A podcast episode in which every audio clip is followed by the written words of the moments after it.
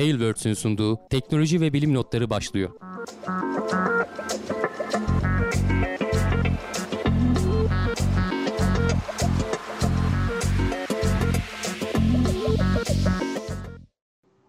Teknoloji ve bilim notlarına hoş geldiniz. Ben Hamdi Kellecioğlu. Karşımda Volkan Ekmen var.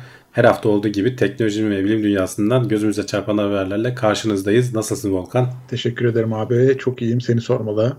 Ben de iyiyim. Keyfimiz yerinde. Uğraşıyoruz. Ne güzel. Bir duyurun vesairen var mı?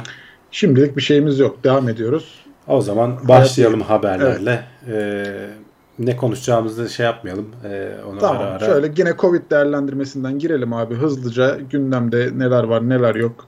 Bizi neler bekliyor. Yeni aşılarla alakalı gelişmeler de var sanırım. Bugün dördüncü aşı serbest bırakıldı 60 yaş üstüne.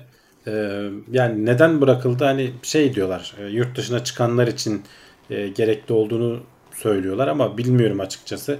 O da şeyden dolayı olabilir. E, 60 yaş üstü biliyorsun iki doz e, Sinovac olmuşlardı.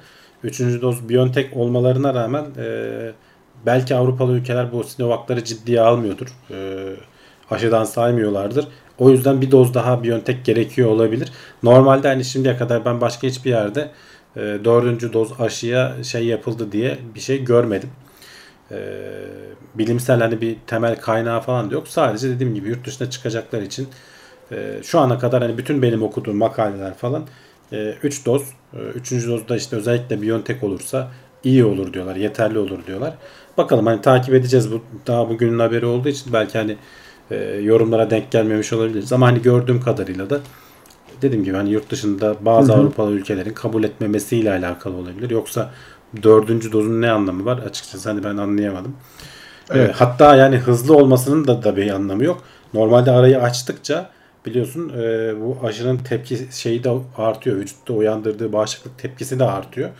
E, dolayısıyla hemen iki hafta sonra dördüncü dozu olmak işte sadece yurt dışına çıkmakla açıklanabilir gibi geliyor bana. Başka bir açıklaması yok.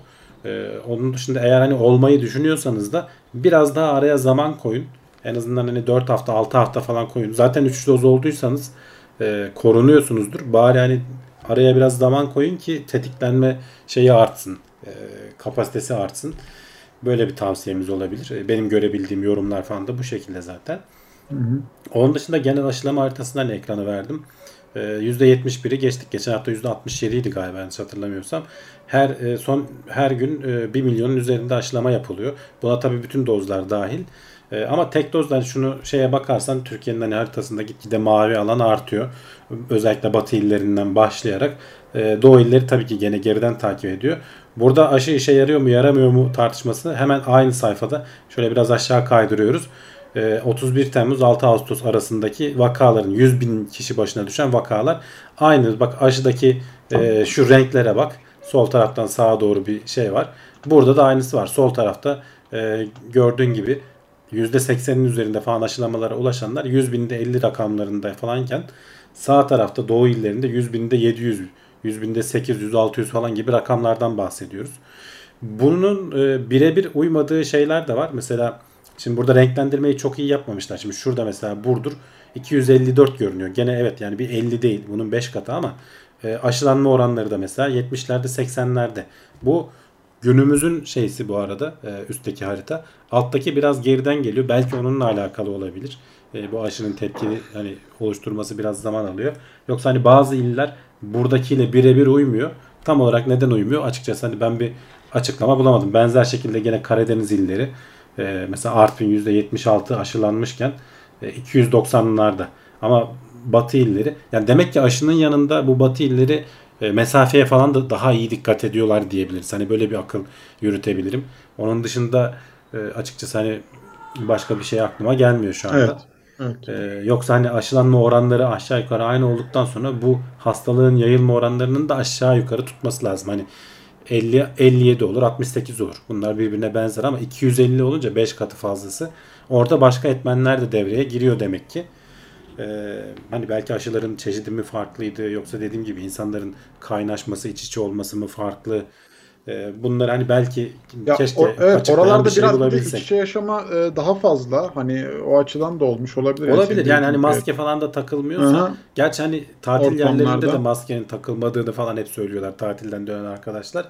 Ee, ama tabii hani açık havada falan olabilir belki. Ee, açık havada çünkü pek bir anlamı yok hakikaten takmanın. Ama tatilde de e, Türkiye'nin her yerinden insan geliyor yani sonuçta. Şimdi o açıdan da bakmak lazım. Yani evet orada bir o tatilci, ya. Tatil yöreleri yani oranın hani e, orada yaşayan halk değil sonuçta. yerlisi değil doğru Evet. söylüyorsun. O açıdan da bakmak lazım. Ya da oraya. işte dediğim gibi hani zamanlama farklılığı olduğu için belki gene doğudan başlayıp batıya doğru zamanla hani buradaki illerde aynı seviyelere inecek diyebiliriz.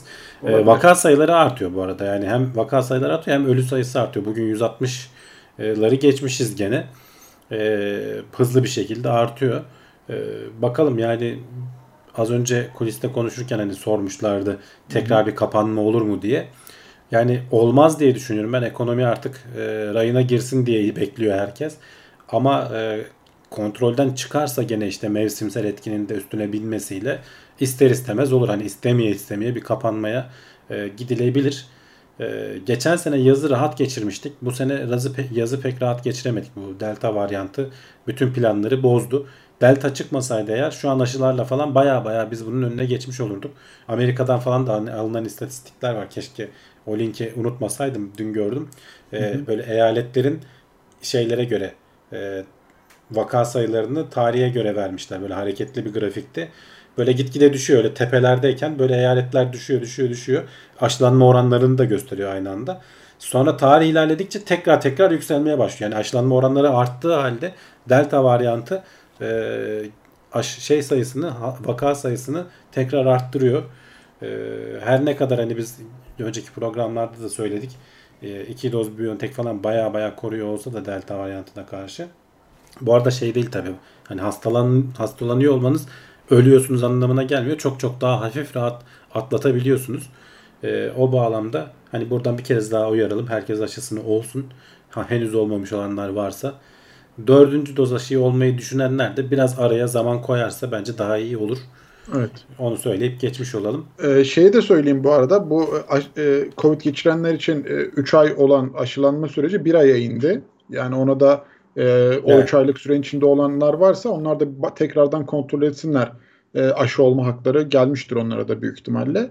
E, bence o açıdan güzel bir gelişme. ya. Benim işte hanım atlatmıştı Covid. Bekliyorduk e, ayının da hı. 3 ayının. Şimdi aşı çıktı ona. En kısa sürede gene ona da randevu alıp yaptıracağız Aynen, işte. randevuyu alıp yaptırmak Aynen lazım. aynen öyle hani o da çok şey yapıyor yani insan tedirgin oluyor yani atlattık ama sonuçta hani bir aşı olsak da fena olmaz modundaydı o da ona da işte çıkmış oldu bu sayede. Bakalım e, şey yapılacak. Bu arada semptom göstermeyen COVID-19 vakaları tahmin edilenden daha yüksek e, olabilirmiş abi. Ee, Evet bununla ilgili bir haber gördüm bugün. Ee, Hani onu da konuşalım. Ee, Şimdi semptom göstermeyen vakaların ne kadar olduğunu bulmak çok zor. Çünkü adı üstünde semptom göstermiyor. Adam teste gitmiyor yani.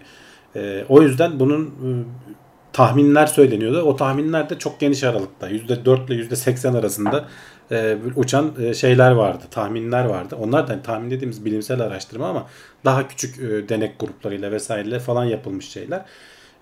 Şimdi bayağı ayrıntılı bir araştırma yapılmış ve hani kısaca hemen sonucu söyleyeyim. %35 oranında hastalığa yakalananların %35'i tamamen semptomsuz geçiyorlar. Hani boğazı falan vesaire ağrımıyor. İşte ateş vesaire onlar zaten olmuyor. Ne bileyim işte tat kaybı vesaire onlar hiç olmuyor. Dolayısıyla e, asemptomatik dediğimiz ve hastalığın yayılmasında aslında en kritik olanlar e, üçte bir hani biraz doğruluk, doğruluk payı vesaire falan da olsun biraz e, e, güven payı koysak en azından %25 diyorlar. Hani 4, 4 kişiden biri hastalığa yakalanan farkına varmıyor ve bu hastalığın yayılmasına neden oluyor. Zaten bu yüzden bir türlü şey yapamıyoruz. Bu bu yüzden e, genel önlemler alınmak zorunda kalıyor. Yani herkese eve hapsedersek bu semptomsuz olanları vesaireyi de bir şekilde yayılmasını engelleriz diye düşünüyor uzmanlar. Bu sefer de ama tabii ekonomi kötü etkileniyor. O da bir çözüm değil. Ee, son yapılan araştırmaya göre dediğim gibi %35 civarında e, ikiye bölmüşler bir grubu. E, hiç e, şey göstermeyenleri aldıkları zaman %35.1 uzun dönemli sonradan işte başka tekrar baktıklarında da %36.9 görmüşler. Yani ikisi birbirine çok yakın. Dediğim gibi hani doğrulama falan gibi bir pay da koysan, güvenlik payı da koysan %25'e en aşağı oraya kadar iner diyorlar. Hani %4 falan gibi bir rakam değil. Ee, belki pek çoğumuz e, atlattık. E, farkında değiliz. E, yakalanıp geçirdik. E, bazıları çok ağır geçiriyor. O biraz işte o vücudundaki reseptörlerin yapısıyla alakalı bir şey. Biraz e, şanssız doğduysan eğer e, genetik olarak buna yatkınsan o hastalık sende bayağı kötü sonuçlara neden olurken bazıları gördüğün gibi hiç e, fark etmeden geçir, geçirip şey yapabiliyor. E, en son hani araştırmalarda dediğim gibi %35 olduğu söyleniyor şu anda. Aynen. E, Devils demiş ki ben pozitif çıktı halde hiçbir şey hissetmedim. Yani e, bazen de evet öyle oluyor hani. Ya şöyle bunu anlamanın halde... tek yolu şimdi şöyle e, semptomatik olmayanları bulmak demek şöyle zorluk. Mesela adamı ölçüyorsun hiç göstermiyor olabilir ölçülmeyebilir bir. Evet, Rastgele halktan gittin ölçtün diyelim hani bunları yakalamak için. Adam o an göstermiyor olabilir. Bir gün sonra gösteriyor olabilir. Bu sefer se- semptomatik olmayanlara dahil edemiyorsun. Adam semptom gösteriyor. Yani bunun ölçmek o yüzden çok zor. Zor. Ee, böyle uzun vadeli tekrar bir de şey de var. Long Covid dediğimiz hani geçmiş bölümlerde de konuştuk. Bunun çok uzun vadede etkisini gösterenler de var. Bir de öyle bir grup da çıktı şimdi. Ee, hemen göstermiyor ama uzun vadede bazı etkileri görülebiliyor falan. Dolayısıyla çok zor bunu ölçmek. Ama hani bu son ölçme e, şeyi e, denemesinde %35 olabileceğini saptamışlar. Hani buraya not düşmüş olalım. İleride başka e, araştırma sonuçları çıkarsa onları da konuşuruz. Aynen. Ee, Mahmut demiş antikor testiyle belli olur ama onu işte herkese yapmak herhalde ciddi maliyet. Yani. Maliyetli herhalde evet. evet. O yüzden, o yüzden tercih etmiyorlar. Tercih edilmiyor olabilir. Neyse şimdi bu haftalık da Covid haberlerimiz bu kadardı. Umuyoruz ki e, gelecek hafta daha iyi haberlerle, e, daha güzel gelişmelerle burada oluruz ama bilemiyoruz. Gidişat şu an öyle göstermiyor.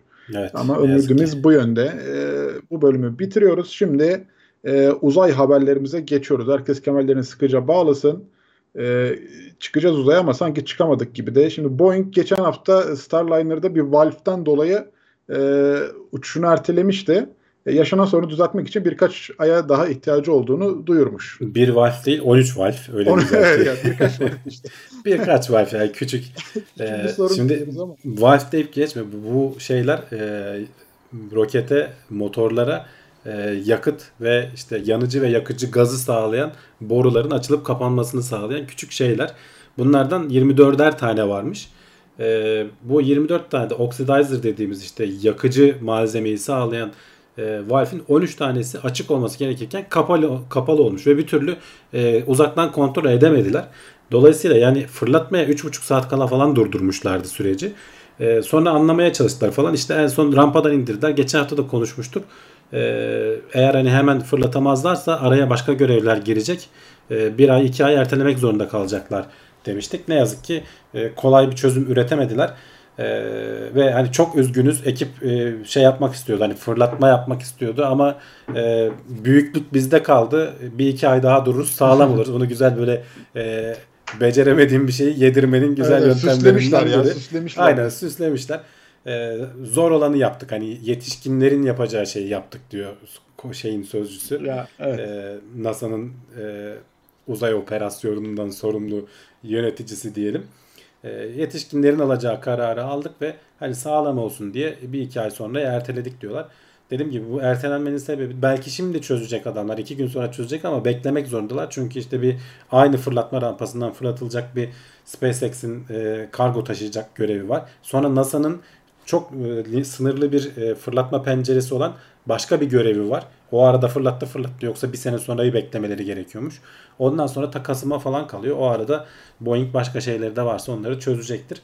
Ee, ben şeye şaşırıyorum. Yani bu bu kadar ertelenip ertelenip ertelenip duruyor.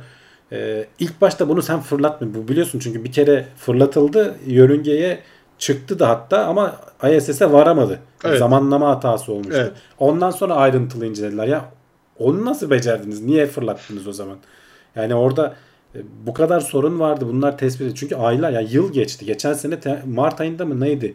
E, evet, Boeing Starliner'ın ilk denemesi bir buçuk yıl geçti. Yani bu bir buçuk yılda sen bunu kapatamıyorsan o ilk fırlatmaya nasıl izin verdin? Ya hakikaten çok ciddi bir ya, soru işareti. Akılda çok soru işaretleri var evet bu konuyla alakalı. Ya işte burada da bence yaptıkları şey yani zaten hani fırlatamayacaksın belli bir şey. Ee, işte erteledik. Yok biz büyüklük bizde kalsın. Yani eğer Şey yağmur yaptık. yağmasaydı çünkü şey diyorlar. e, bu e, nemden dolayı hani tahminleri de o şeyler sıkışmış. E, o valfler hareket etmeyecek şekilde. Çünkü nemden nemle bu oxidizer denilen malzeme bir şekilde birleşip e, asidik bir ortam yaratıyor ve o şeyi e, çürütüyor. Valflerin yüzeyi. Çünkü hani hareketli bir parça olması lazım. E, orayı okside edip e, kenetlenmesini sağlıyor. Dolayısıyla hareket edemez hale getiriyor. O 14 taneden 9'unu sonradan hareket ettirebildiler ama geri kalanlarını çözemedikleri için e, uçuşu iptal etmek zorunda kaldılar. E, şimdi orayı hani bir şekilde nem sızmayacak hale getirecekler. Çünkü bunu tam e, şeye çıkardıklarında ciddi bir yağmur fırtınası gelmiş. Onunla alakalı olabilir diyorlar. E, belki sorun da olmayacaktı. Hani fırlatsan. e, Vallahi bilemiyorum ya. Hani bence sanki yani tamir bir ettikten benziyor, sonra evet evet yok hani sonuçta hı. yakıt valfleri çalışmıyorsa alet uçamaz yani muhtemelen de Ee, o tamir ettikten sonra hani hızlı bir çözümle ilerlemek belki hani çözüm olabilecekti ama e, yapmamayı da tercih ettiler. Yani şimdi bir de fırlatıp bir daha patlarsa proje ölür yani öyle düşün. Aynen, bir daha yani. Boeing Starliner yani falan bir lafını buçuk yıl duymayız. sonra ikinciyi de patlatmazsın ya bilmiyorum. İşte olabilir yani. Olabilir, Hiç evet. beklemediğim bir şey. Bak 3,5 e, saat kala durdurdular. E, anormal bir durum tespit edip. Hı hı. E, bakalım hani takip edeceğiz. E, sonuçta hep söylüyorum hani Boeing SpaceX'in iki katı kadar e, fon aldığı halde NASA'dan bu kadar sürünmesi de e, verimsizliğin dibi yani. Hani özel Evet. sektörde falan da böyle şeyler yaşanabiliyor. Devasa firmalar haline gelince artık devlet gibi firma oluyorsun aslında. demek Öyle. ki. Öyle. Ya biz insanlar olarak nemden şikayet ediyoruz sıcaklardan dolayı. Şimdi bu Starliner'ın da başına gelmiş. Ee, üzücü bir Ne- durum. nem olmasa Yani. iyiydi diyorsun. Nem olmasa iyiydi yani evet. Hani gene idare ederdik de nem Gene olmuş. evet sıcaklığı çekerdik bir şekilde. O sıkıntı yaşatmış. Neyse. Sıradaki görevimiz e, NASA'nın ay görevinde kullanacağı yeni astronot elbiseleri gecikiyor ve baya bir gecikme aslında. Evet gene bir gecikme haberi. Ee, şöyle hemen onun da görüntüsünü açayım. Ee, şimdi 2024'te sözde ay görevi yapılacak e, diye söyleniyordu. Artemis. Artemis evet ya insanlığa görevi. Daha öncesinde e, bir yörüngede gidip dolaşıp bir Artemis 1 olacak. Sonra e, astronotlu bir yörüngede gidip gelen Artemis 2 olacak. Artemis 3 de yüzeye inecek diye konuşuluyordu. İşte o yüzeye ineceği hatırlarsan biz gene konuşmuştuk. NASA bu elbiselerini tanıttı vesaire falan diye. Evet evet. Ee, hatta orada aynı şeyde SpaceX de tanıtmıştı galiba ama NASA'nın tabi şeyleri daha büyük. Ee, o dış uzay şeyleri artık çünkü kendisi uzay gemisi görevi görüyor seni tamamen şeylerden koruyor. 9 saat falan dış uzay görevi yapabilmene izin veriyor. Gemi e, uzay aracı dışı aktivite yapabilmene izin veriyor. Ama henüz daha hazır değil. Hani NASA buna 1 milyar dolar harcamış projenin başından beri. Ee, en son işte bir danışmanlık firması galiba ya da iç kendi danışmanlık şeyleri e, 2025'ten önce e, bunun hazır olması mümkün değil diyorlar ki 2025'te o işte Artemis 2024 Trump'ın koyduğu hedefin tutmaması demek ya da belki e, eski elbiselerle mi uçacaklar onu da bilmiyorum. O da 1970'lerden kalan bir tasarım aslında hala kullanılmasına rağmen ISS'te falan o kullanılıyor e, görevleri yaparken. Bunun da ilk versiyonları bu arada ISS'e gönderilecek bir orada test edilecek falan filan. E, bu elbise çok daha esnek e, şeyleri, e, eklemleri vesaire çok daha hareketli, daha rahat hareket edebiliyor Çok rahat. astronotlar. O şekilde tasarlanmış. E, sonuçta hani 40 yıl sonrasının, 40 yıl daha yeni teknolojinin e, ürünü diyebiliriz. E, görsel olarak tabii ki yani öyle çok şık görünmüyor. Yani mesela SpaceX'in elbiseleri falan daha güzel görünüyor Ya, ama tabii canım. e, şov. aynı şeyi sunmuyorlar tabii. Onlar gemi içerisinde, araç içerisinde bir şey e, olursa seni koruyacak kapasiteye sahipler. Bunlarla bayağı 9-10 saat yaşıyorsun yani. Ya, SpaceX'in pijama gibi bir şey işte. Yani Evet, pijamanın biraz daha yani. E, biraz daha şey. sağlamı diyebiliriz.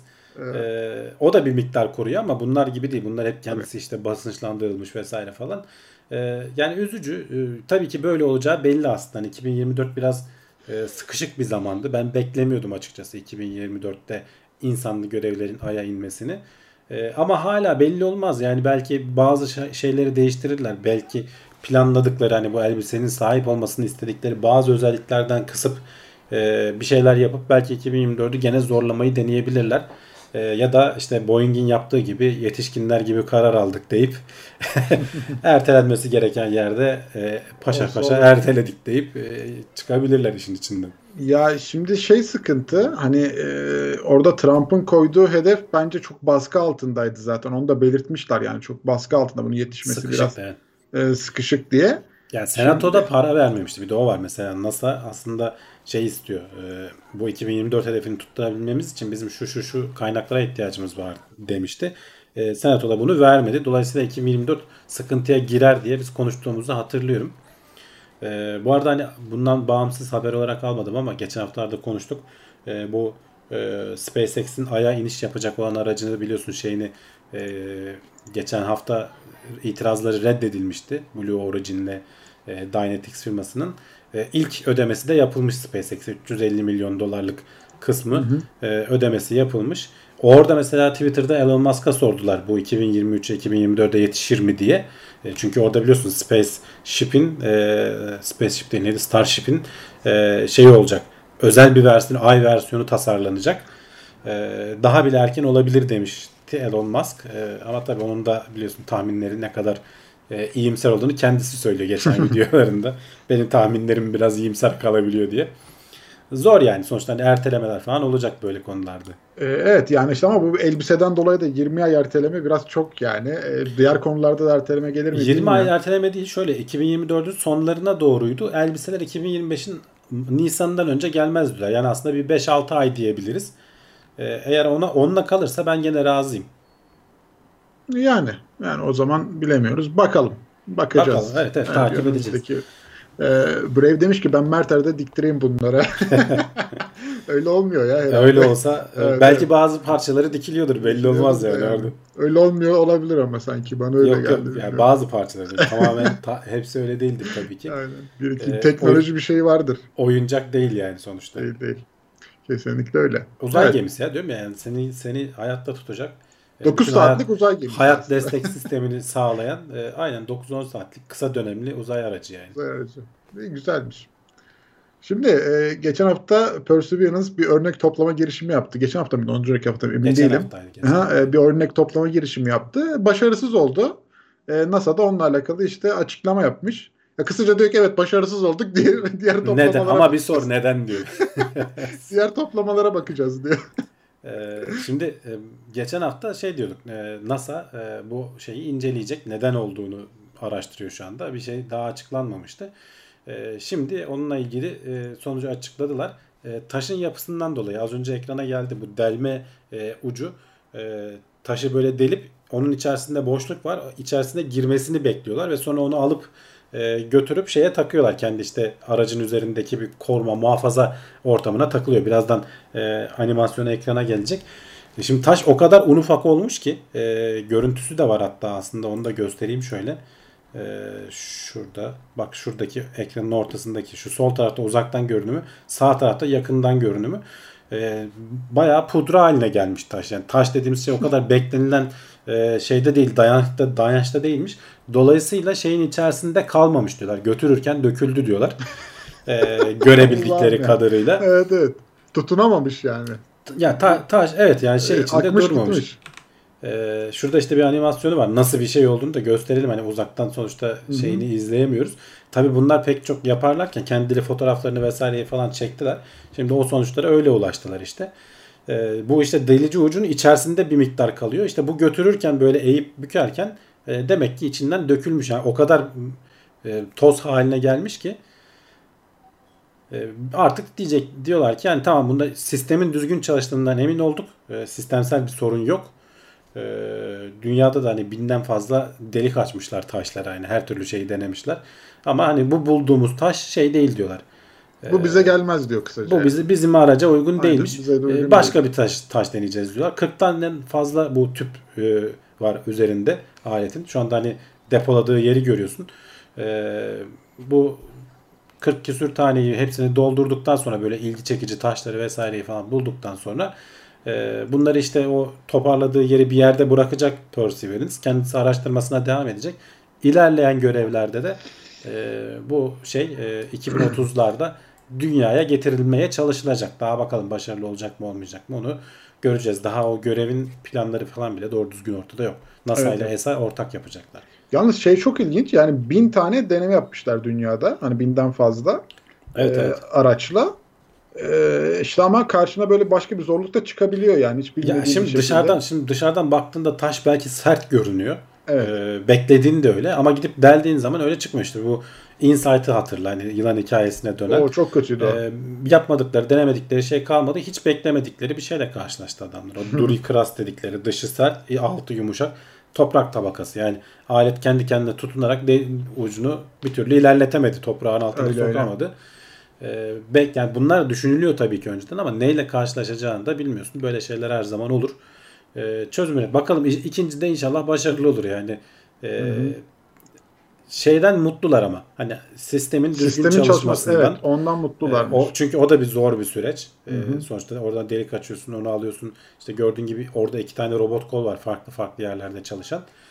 Ee, onlarda sorun yok gibi görünüyor şu anda. Ya aslında e, şey çok iyi. Hani dediğimiz gibi Mars'ın atmosferinden ya da oradaki o kayanın şeyinden kaynaklanan bir sorun var. Onun dışında makine düzgün çalışıyor. Her şey düzgün.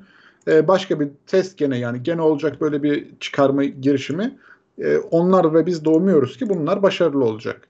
E, Emrullah demiş ki araca zarar gelmemiştir umarım da. yok öyle yok bir bir zarar yok. Evet, söylemediler. zarar yok. Ee, aynen bekledikleri gibi çalışmış. Hacı da demiş ki fole kazık çakan aletler gibi çalışıyor. Evet aynen onun gibi çalışıyor aslında.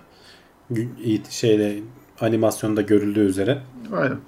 Ee, yani animasyonu da bir daha izlemek isteyenler için bu, bu haber ve bundan önceki sonraki konuşulan bütün haberlerin linkleri teknoseyir.com'da var.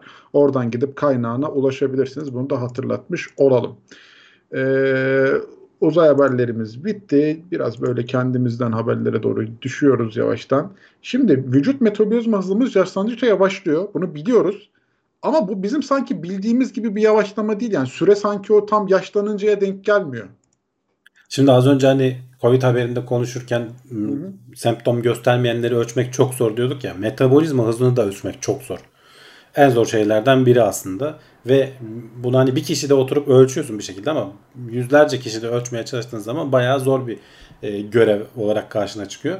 E, nasıl ölçüler dersen de işte bu ağır su dedikleri e, bir şey içiriyorlar sana ve vücudundaki o metabolizma faaliyetlerinden ne kadarını idrar olarak çıkardığını falan ölçüp e, günlük olarak ne kadar enerji yaktığını falan bulmaya çalışıyorlar ve bunu belki bir seferde değil hani böyle uzun dönemli yapıp sürekli takip halinde tutmaları gerekiyor. E, birileri bunun üzerine uğraşmış. 6421 kişi üzerinde 29 farklı ülkeden e, 8 günlükten 95 yaşa kadar e, yaş aralığında e, insanlar üzerinde e, denemelerini yapmışlar. Bayağı büyük bir data toplamışlar. E, Şimdi hep belki hani izleyiciler arasından da duyanlar vardır. Yaşlandıkça işte vücudumuz yavaşlıyor. Dolayısıyla işte bu göbek möbek falan vesaire o yüzden oluşuyor. İşte her 10 senede bir metabolizma hızı e, %10 düşüyor. Öyle bir rakam vardı. Hani böyle bir şey de söylüyorlar. Ama bu araştırmanın sonucu böyle göstermiyor. Hatta e, tam e, metabolizma yavaşlıyor kesin olarak ama 4 farklı dönemde yavaşlıyor ve aradaki dönemde genel olarak sabit kalıyor. Bu dönemlerde ne dersen bir bebeklikte insan metabolizmasının en hızlı çalıştığı dönem e, bebekken. E, ergenlikte mesela aslında tam böyle vücudun büyüdüğü falan gibi düşünüyorsun. Çok büyük değişimler olmuyor. Bebeklikten 20 yaşına kadar her yıl metabolizman %3 yavaşlıyor. E, çünkü bebekken bayağı asıl asıl büyü hani vücuta orantılarsan e, asıl büyümeyi yaşadığın e, dönemler küçük çocukluk çağların. E, 20'li yaşlardan 50'li yaşların sonuna kadar metabolizma neredeyse sabit kalıyor.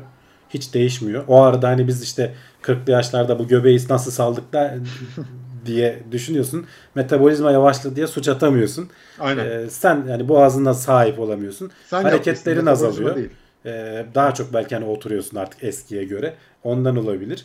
Ee, 60 yaşından sonra da e, %0.7 yavaşlıyordu. Her yıl mı?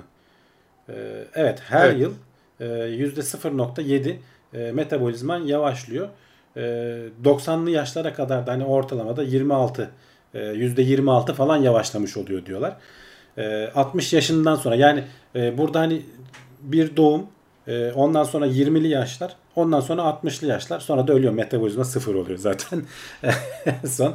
E, Çok hızlı gittik. Neyse evet. e, bu bu dört dönem arasında genelde diyorlar vücut stabil, e, sabit duruyor. Yani yaşlara göre o kadar değişmiyor. E, tabii ki hani insandan insana değişiyor. O şey değil. Ama hani insan bazında yani kişisel bazda baktığın zaman e, metabolizma böyle diyorlar. Bu araştırmanın sonucu bunu gösteriyor. Dolayısıyla az önce dediğim gibi yani 40'lı yaşlarda benim göbeğim çıktı işte vücut yavaşlıyor falan e, aslında metabolizma ile ilgili bir şey değil. Senin hareketlerinin yavaşlaması ve yediklerinin e, daha artmasıyla alakalı bir şey olduğunu söylüyor bu araştırma. Ee, evet yani hani şey biz e, genelde asıl kanı şeydir hani senin de e, başta, başta bahsettiğin gibi hani yaş ilerledikçe işte böyle metabolizmamız yavaş yavaş yavaşlıyor gibi düşünüyorduk ama 20 ve 60'lı yaşlar arasında e, 50 yaşlar arasında çok sabit düzeydeymiş aslında. Evet. E, o çok ilgi çekici yani hani biz onu hep şey derdik aslında yavaşlıyor muyuz ya da şey mi oluyor diye de tuhafmış. Yani işte metabolizman yavaşlamasa bile senin hareketlerin yavaşlıyor canım. Sonuçta hani 20 yaşındaki aktif dinamik genç halin 40 yaşında yok yani. Dolayısıyla o, o göbek yemenin de değişmediği için e, o göbek kendi üstün üst üste birikiyor uzun dönemde. Evet. Ee, bu arada Serhat bize e, patlamış mısır göndermiş 9 TL'lik. Teşekkür ederiz kendisine. Teşekkürler. Aynen. Yakanet de bize e, beğen emojisi göndermiş. Biz de like yapıyoruz buradan. Aşağıdan da siz de like tuşuna basabiliyorsunuz. Hatırlatmış olalım destekler için de teşekkürler e, diyelim. Şimdi Şimdi bu iklim raporu geçen biz e, yayın sırasındayken açıklanacak açıklanacak diyorduk. Yayının sonrasına doğru zaten e, düştü. Bu iklim raporu ama baya bir e, satır var burada. Yani oku oku bitmez. 4000 yani 4000, sayfa. 4000 sayfalık bir rapor. Aynen. Ee, Biri bizim için okumuş ve özetlemiş abi. Ne diyorlar? Evet Quartz güzel bir şey yapmış aslında. Bütün e, böyle chapter chapter orada bölüm bölüm e, her bölümde nelerden bahsetmiş olduğunu falan şey yapıyorlar. Hani özetini şöyle söyleyeyim. 14 bin bu arada e, geçmiş 7 yıl boyunca yayınlanan 14 bin araştırmadan alınan özetler bu. Ve yani özet dediğimiz 4000 sayfa tutuyor. Dolayısıyla hani bilmiyorum bu kadar rapor yazmaya da gerek var mıydı? Çünkü söyledikleri şey aslında tabii 1900 zaten burada da onu söylüyor. 1990'lardaki bu IPCC raporundan farklı değil. Hiçbir ee, şey değişmemiş ya. Hiçbir şey yani. Şöyle rapor değişmiş. Raporda kullanılan dil değişmiş. Şöyle yani. eskilerde şey diyorlar. Yani büyük ihtimalle insan e, bu ısınma, küresel ısınma e, insan kaynaklı olduğu açık diyorlar. Bu raporda bu dil artık şeye gelmiş. İnsan kaynaklı olduğu su götürmez bir gerçek falan gibi böyle net e, net, çizgilerle. Daha net ifadeler. E, aynen olayı koymuş. Yani biz yapıyoruz bu işi. Hani burada tek tek şeylerini de göstermişler. E, hatta bu e, şu aşağıda bak bir güzel de bir şey yapmışlar. Onu da ekrana göstereyim. Şimdi mesela bu chapter 1'de bir özeti var. Hatta özetin de özetini şöyle highlights diye bu kısma koymuşlar. E, merak edenler hani bunlara baksınlar. Ben hani özet olarak şunu söyleyeyim. E, herhangi bir 2015 iklim anlaşmasına falan uya, uymamış kimse. E, orada alınan e, şeyleri 1,5-2 derecelik e, sınırlamaları falan da yapabilecek gibi görünmüyoruz. E, şu an bile e, karbon emisyonunu sıfırlasak hatta negatife çeksek bile e, işte şeyler yükselecek diyorlar. Su seviyeleri yükselecek. Bunun etkileri şu ana kadar yaptığımızın etkilerini bir 100 yıl daha e, göreceğiz diyorlar. E, dolayısıyla kötü haberler var. Yani hani bu tabii ki şey anlamına gelmesin. Hani önlem almamalıyız. Aynen böyle devam etmeliyiz anlamına gelmesin. Zaten yapacağımızı yaptık. Hani önlem alınması lazım. Bunu da herkes biliyor zaten. Yıllardır konuşuyoruz ama yapılmıyor. O yüzden hani ben buna çok da zaman ayırmayalım diyorum. Kendi bazımızda biz yapabileceğimiz şeyleri yapabiliriz. İşte kendi hükümetimizi falan itekleyebiliriz. Türkiye mesela Paris Anlaşması'na e, kabul eden ama meclisinde onaylamayan nadir ülkelerden biri. E, Amerika falan da biliyorsun çekildi mekildi bir şeyler oldu. Hani biz e, o konuda az kirletenlerden biriyizdir öyle onların hani zamanında yaptıklarına bakarsan. Kesinlikle. E, şu anda ama en önde zaten üretimi de orada olduğu için Çin almış başına gidiyor durumunda. E, orada da işte bir çıkar çatışması var. Hani siz zamanında yaptınız yaptınız şimdi biz kalkınacağımız zaman yapmayın dur diyorsunuz falan diyorlar. E, o yüzden hani bu kolay kolay çözülecek bir şey değil. E, başımıza gelecek e, diyoruz ki geldiği geliyor da zaten işte bu sel felaketlerinin yaşanması. Güneyde ormanlar yanıyor. Kuzeyde deli gibi yağmurlar yağıyor. E, ve 100 yılda bir görünecek seller oluşuyor. Bu sadece bizde de değil. İşte bir, bir ay önce Almanya'da da yaşandı. E, yüzlerce kişi hayatını kaybediyor. E, artık hani görüyoruz. Bunun kaçarının olmadığını da görüyoruz. Bu daha da kötü olarak bu hale gelecek. Gitgide de devam edecek. E, ve yani 10 yıl içerisinde bir şeyler görmeye başlıyorsun. Artık hani böyle 50 yılda 40 yılda görülen şeyler değil. 5 yılda 10 yılda sonuçlarını görmeye başlıyorsun şu an almadığın önlemin. E, Quartz burada işte bu haberi aldığımız yani hem madde madde chapter'ları özetlemiş hem de şimdi bu her bölümün başında bir özet bölümü var. Şu aşağıda gördüğünüz özet bölümünün ayrıntısı. bunlardaki güvenilirlik oranı araştırmalarla ilgili sonuçlar veriyor. Güvenilirlik oranlarını böyle renklendirmişler. Mesela güvenilirliği bayağı yüksek olan şeyleri şöyle tıkladığın zaman haberin şeyin e, raporun o kısmını okuyabiliyorsun. E, adamlar bayağı güzel çalışmışlar. Evet, Çok evet. beğendim bunu. E, bu dediğim gibi raporun o 4000 sayfanın e, bütün chapter bu değil. Bu chapter'ın özet kısmı. Bir de chapter'ın kendisi var. Tabii ki çok böyle bilimsel falan şeylerle e, yazıldığı için o yüzden hani siz okumayın biz size özetledik diyorlar. Hatta dediğim gibi özetin özeti kısmında e, daha da şeyler yapmışlar. E, kaç 14 tane falan ne chapter var yanlış hatırlamıyorsam 12 tane chapter var. E, her biri işte farklı şeylere odaklanıyor. Yani bir tanesi işte atmosferdeki karbon salınımından bahsediyor. Bir tanesi su döngüsünden bahsediyor. Bir tanesi işte insanlığın etkisinden bahsediyor. Pek çok alanda bayağı kapsamlı bir rapor. Hani raporda çok da konuşmaya gerek yok derken hani fotoğrafı çektik biliyoruz zaten. Ne olması gerektiğini de biliyoruz. Yapmıyoruz sadece. Yani Bu hani küresel ölçekte böyle olduğu gibi e, şey bazında da böyle. Mesela işte bizim o sel felaketinin yaşandığı yerler. Yani dere yatağına ev yapılmaması gerektiğini herkes biliyor. Hükümet de biliyor. Belediyeler de biliyor. insanlar da biliyor. Ama yapıyor muyuz? Yapıyoruz. Duruyor muyuz? Durmuyoruz. Sonuçlarına da katlanıyoruz işte böyle başına geldiği zaman. Aynı şey deprem için de geçerli. E, ya da herhangi bir önlem alınması gereken başka konular için de geçerli. Bu küresel ısınma da yavaş yavaş olduğu için e, önlem alınması, e, insanların bir araya gelip bir e, ne denir aksiyon alması daha da zor bir şey. Anlamıyorlar çünkü. Anladıkları zaman da iş işten geçmiş oluyor işin kötüsü. öyle. Yani bilmiyorum ama bunun için de 4000 sayfa e, ayırmaya gerek var mıydı? Şöyle 10 yılımız kaldı yazsalar bence daha çarpıcı e, Yani işte evet. cümleyle yani. Ama işte On- dediğim gibi onu da biliyoruz aslında. Evet evet Hani yok aslında biliyoruz da işte senin de dediğin gibi hani bunun uygulama e, şeyleri herkes için sıkıntı. Hani hem bireysel bazda hem ülke bazında hem de e, international çapta yani çok ciddi e, uygulamama eğilimi var herkeste. Ben öyle gözlemliyorum. E, yavaş yavaş kendi sonumuzu hazırlıyoruz yani. Bunda çıkarılacak özet bence bu. E, dahası ne olur bilemiyorum yani. Ya kendimizden yapacağız. Yani biz hani başkasından da beklemeyin. O yüzden hep ben diyorum. Yani çıkarken odada ışık kullanmıyorsan söndürün arkadaşlar. Ufacık bir katkınız olur. Siz de bu küresel ısınmaya bir şey yaparsınız. Ne bileyim arabanız e, atıyorum çok yakan cinstense az yakana geçmeye çalışın. E, yani bu, bunlar siz kendi çapınızda başlayacaksınız. Yapabileceğiniz İlk, şeyler. ilk elinizden gelen bu aynen su kaynaklarını daha az tüketin. Ne, ne diyorlardı hani bir haber olarak konuşmuştuk. Ee, en büyük iklim e, şeyi yapabileceğiniz en büyük katkı çocuk yapmamak. Evet, Ha- evet. hakikaten doğru. Yani en büyük aslında karbon kaynağı dünyaya ekstradan bir çocuk getirmek. Bunu tabii herkes kolay kolay söyleyemiyor ama 3 yapacağına 2 yap dersin. Bizim hükümet de tam tersini söylüyor aslında. Değil mi? Çok çocuk yapın Çok diye. çocuk istiyoruz diye. Ee, zaten dünyaya işte asıl yükü getiren hani nüfusun çok olması bir yandan da. Ama bu da değişecek. Onun da ayrı bir derdi var. Geçmiş bölümlerde de konuşmuştuk hatırlarsan. Evet. Ee, nüfusun geri sarmasının da bambaşka sonuçları var. Bu sefer de başka türlü krize gireceğiz. Az nüfusluluk da problem yani. Problem problem. Hani bütün çalıştığımız sistem, ekonomi falan şu ana kadar alıştığımız sistem bunun üzerine e, inşa edildiği için bu, bu düzen denge tersine döndüğü zaman e, uyum sağlamak da ona göre zor olacak. Evet.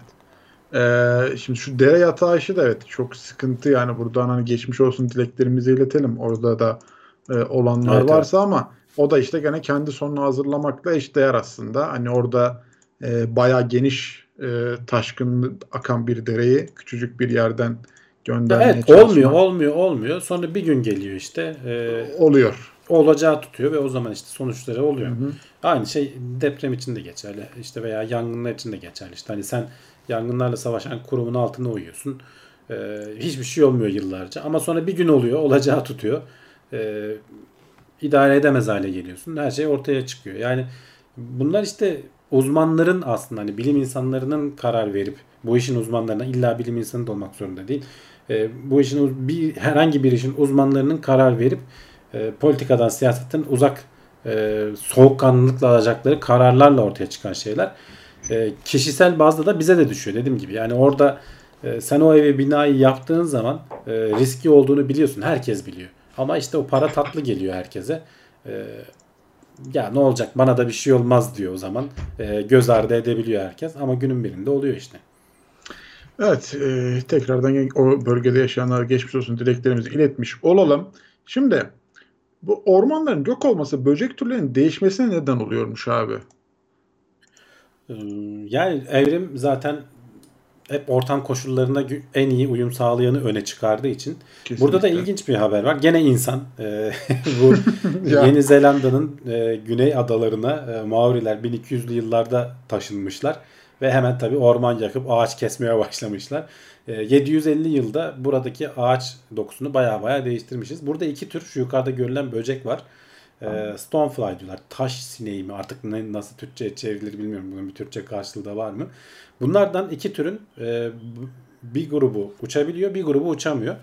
Uçamayan grup e, özellikle böyle yüksek e, rakımlı dağlarda e, ormanların az olduğu, yükseklikten dolayı ormanların az olduğu e, yerlerde görülüyormuş. Sebebi de şu ormanlar rüzgarı kesiyor. Rüzgar şiddetle estiği zaman havada uçan e, sineği alıyor, şeye atıyor. E, denizin ortasına kadar götürüyor ve ölüyorlar. Yani bunlar hayatta kalamıyorlar. Dolayısıyla uçmamak mantıklı olduğu için evrimleşmişler. O şekilde evrimleşmişler. Yani kanatları körelmiş. E, hayvanlar yerde yürüyecek şekilde yaşamaya başlamışlar. E, ama bunların dediğim gibi bir başka grubu da var. E, daha böyle sık ormanların olduğu, daha alt enlemlerde yaşıyor. Onlar uçabiliyorlar. Çünkü uçmak aslında pek çok avantaj sağlayan bir şey. Hani e, işte seni avlayan avcılardan kaçmak vesaire gibi veya daha uzun uzaklara gidip e, bir dişi bulma e, falan gibi e, avantajlar sağlıyor sana. Her ne kadar enerji anlamında çok şey götürse de. Ama oralarda da şeyi görmeye baş gözlemlemişler. Biz ağaçları kestikçe oradaki ağaç dokusunu azalttıkça orada normalde kanatlı olan e, sineklerin gitgide kanatlarının köreldiğini uçmamayı tercih ettiklerini hatta uçamadıklarını bazılarının e, gözlemleyebiliyoruz. Bariz e, şey bir şekilde net bir şekilde evrimsel süreçlere ağaç keserek müdahale etmiş durumdayız ve gözlemleyebiliyoruz bunu da dediğim gibi.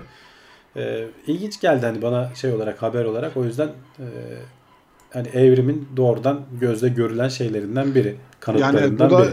daha tespit edilen belki daha başka bir şeyler daha da vardır yani. var var canım pek e, çok şey var yani. bu Pek çok işte- böcek türü zaten yok olup gidiyor yani bu yüzden. E, onun da etkisi var kesinlikle. Onlar da var aynen. Onun da etkisi var. Dünyada ha tamam o başka yorummuş.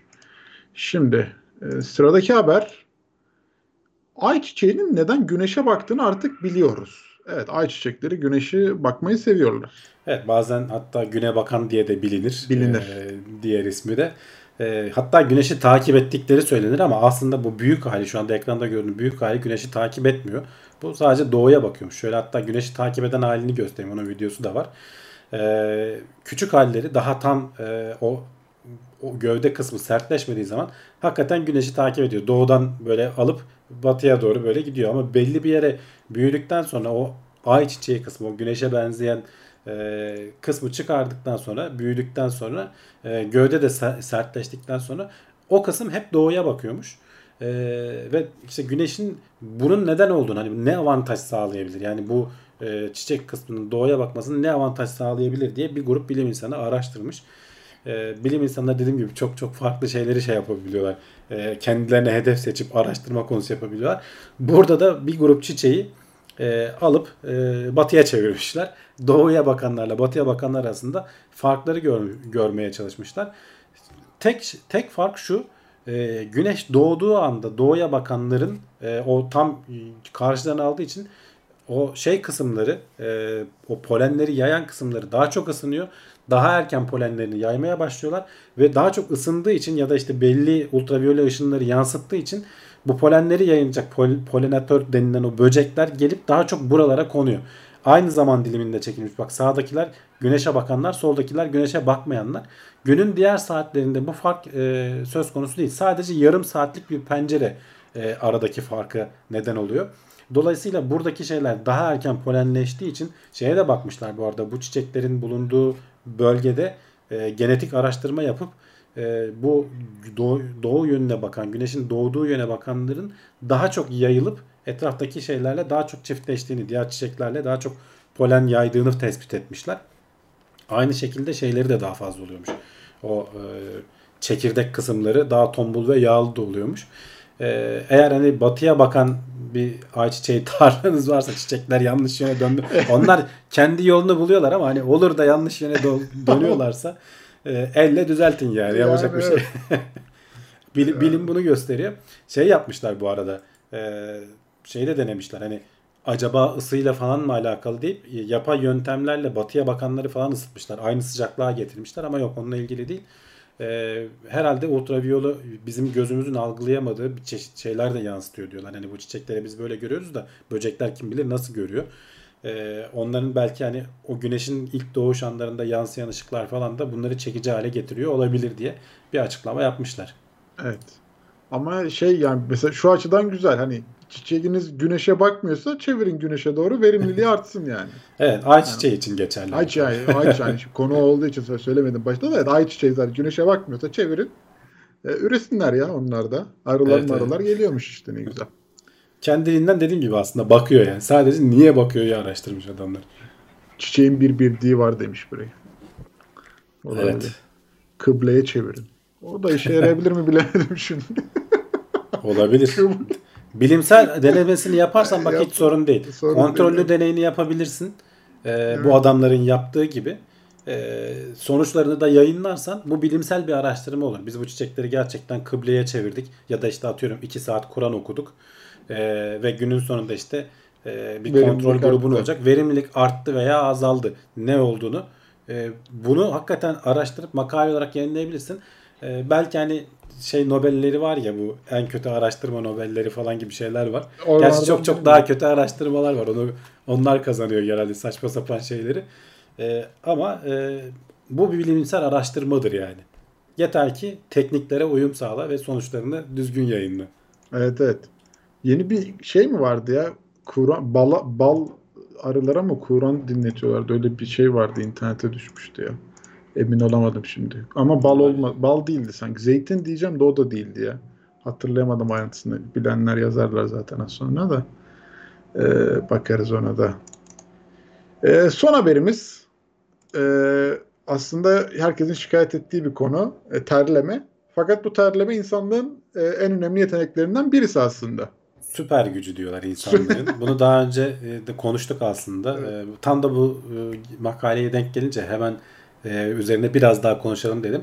Evrimsel olarak bize çok büyük avantaj sağladığı için zaten kendi e, primat türleri arasında, benzerlerimiz arasında tüyleri tamamen azalmış. E, Daha doğrusu sayıca az değiller ama hani kalın ve bütün vücudumuzu kaplamaktan çok uzaklar, ince ve küçülmüş durumdalar. Ama ter bezlerimiz de deli gibi artmış. Bu sayede Afrika'nın o sıcağında çok uzun mesafelere işte kedi, aslan, kaplan bilmem ne türü hayvanlar saklanmak zorunda kalırlarken güneşten biz eee, onların yokluğunda şey yapabiliyoruz. Eee, ortamda gezinebiliyoruz. Bu da bize çok ciddi avantaj sağladığı için bu şekilde evrimleşmişiz. Eee, burada e, bir ablamız e, bilim insanı şey yazmış. The Joy of Sweat yani terlemenin sevinci mi diyelim, terlemenin keyfi mi diyelim. Bununla ilgili bir terleme üzerine kitap yazmış. Bayağı da şey. Onunla röportaj yapmışlar. Ee, böyle çok önemli, böyle ilginç gelebilecek başlıkları e, biz de hani burada şey yapalım, anlatalım. Bir kere e, şey çok ilginç. Mesela terleme miktarı. Hani kimi insan çok terler, kimisi az terler. İşte kimisinin avucu böyle hep sürekli ıslaktır falan. Bu neyle alakalı diye soruyorlar. Diyorlar ki burada e, bir genetik yapı çok önemli. Ama onun kadar önemli olan da e, doğduktan sonra nasıl bir ortamda olduğun. Eğer hani çok sıcak bir ortamdaysan e, çünkü ilk birkaç yıla kadar bu bütün vücudumuzda 2 milyonla 5 milyon arası ter bezi varmış herkesin vücudunda. Genetiğe göre değişiyor bu. Bunların ne kadar salgıladığı da genetiğe göre değişiyor. Kimisi çok verimli çalışıyor ter bezleri sürekli terliyor. Kimisi e, az terleyebiliyor. Ama bunu çok ciddi etkileyen bir şey de e, senin işte o ilk bebeklik çağında bulunduğun ortama uyum sağlayabilecek e, yapıda. Yani bunlar o zaman aktive oluyorlarmış ve bir kere aktive olan ömür boyu çalışıyor. Yani eğer sen çocuklukta çok sıcak bir ortamdaysan ona göre terlemeye başlıyorsun. Sonradan kutuplara da taşınsan e, o terleme faaliyeti değişmiyor. E, ama tabii hani so- sıcak şey değilse sıcak değilse terlemezsin. Hani öyle bir şey yok tabii ki. Ama hani böyle anneler çocuklarını böyle sarıp sarmalar ya çocuk böyle orada sıkıntıdan şey olur. O belki aslında çocuğun e, ter bezlerini ekstradan uyarıyor olabilirim. Hani ben kendim kafadan attığım bir şey şimdi onu söyleyeyim ama e, çok da belki sıcak yapmamak lazım. E, çünkü bunun da uzun dönemde dediğim gibi ömür boyu etkisi olan şeylerden biri.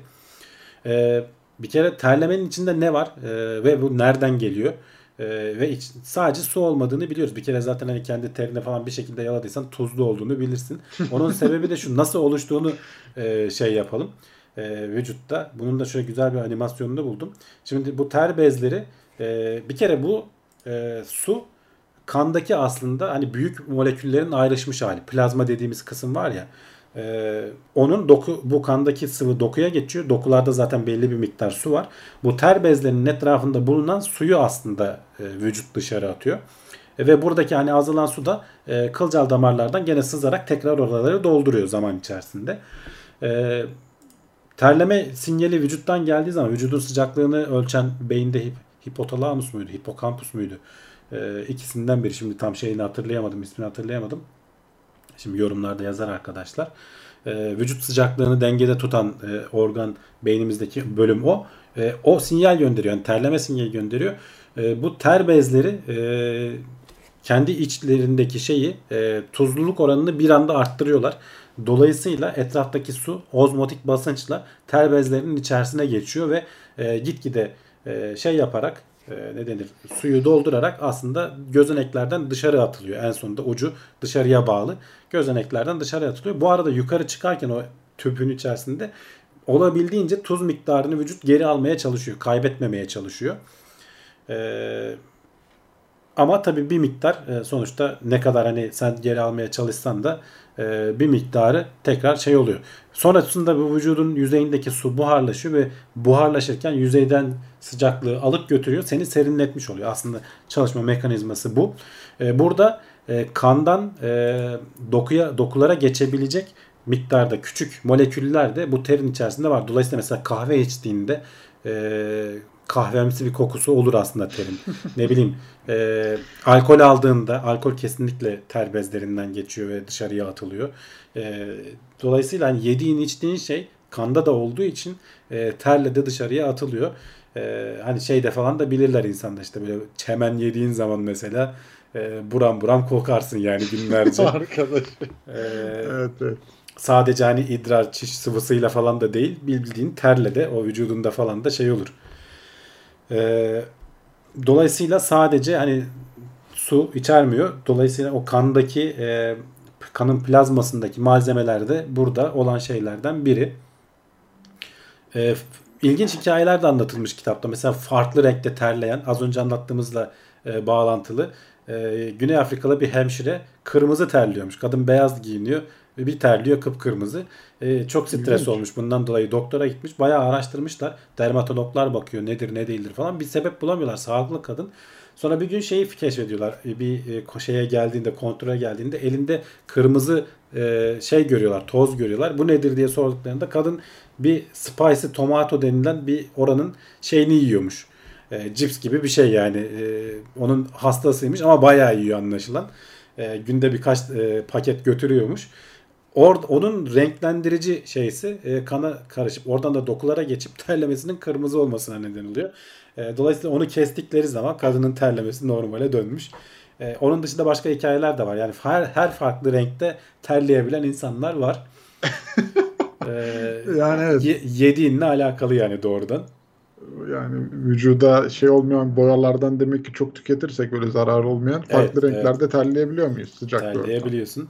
İlginç ee, bir özellik. Onun dışında diyorlar ki bu e, terlemeyle vücudun dışarısına attığımız materyallerin bize bir faydası veya bir zararı var mı? E, faydası var çünkü aslında vücudun diyor ki senin derinin hemen üzerindeki bakteri tabakasının e, kontrolünü bu terle birlikte atılan malzemelerle sağlıyor. Çünkü bu bakteriler bunları yiyerek besleniyorlar. Ee, bizim hani aslında e, hangi bakterilerin vücut derimizin üzerinde olup hangilerinin olmayacağını e, terleyerek ve onlara besin sağlayarak kontrolünü sağlıyoruz aslında. Hani şey gibi düşün bir sürü e, Türkiye'ye şimdi göçmen geliyor. O göçmenler gelmesin diye dışarıya bir e, tampon bölge oluşturuyorsun. Orada birilerinin senin istediğin adamların olmasını istiyorsun. Onlar başkalarının gelmesini engelliyorlar gibi bir şey. Vücudumuz bunu bakterilere karşı yapıyor. E, milyonlarca yıldır böyle bir e, süreç geliştirmiş. Kendi terimizi de biz bunu sürekli besliyoruz aslında. Evet. Onun dışında özellikle koltuk altındaki o kokunun e, ter kokusu oralardan yayılıyor. Oradaki ter bezleri tamamen farklı diyor. Vücudumuzun diğer yerlerindeki bezlerle alakalı değil. Apokrin glands deniyormuş. Diğerlerine e, isimleri farklı. E, oradan salgılanan şey o bu ergenlikte başlıyor. Daha önce yok. E, biliyorsun onun çünkü belli çeşit feromonlar falan da içeriyor. Bu üremeyle falan da alakalı bir şey. Ve daha böyle e, tuzlu su kıvamında bir şey değil de daha böyle e, şey ne denir? Akışkan olmayan, Hı. katı bir kıvamı olan bir şey. Evet. Ve içindeki maddeler falan da farklı.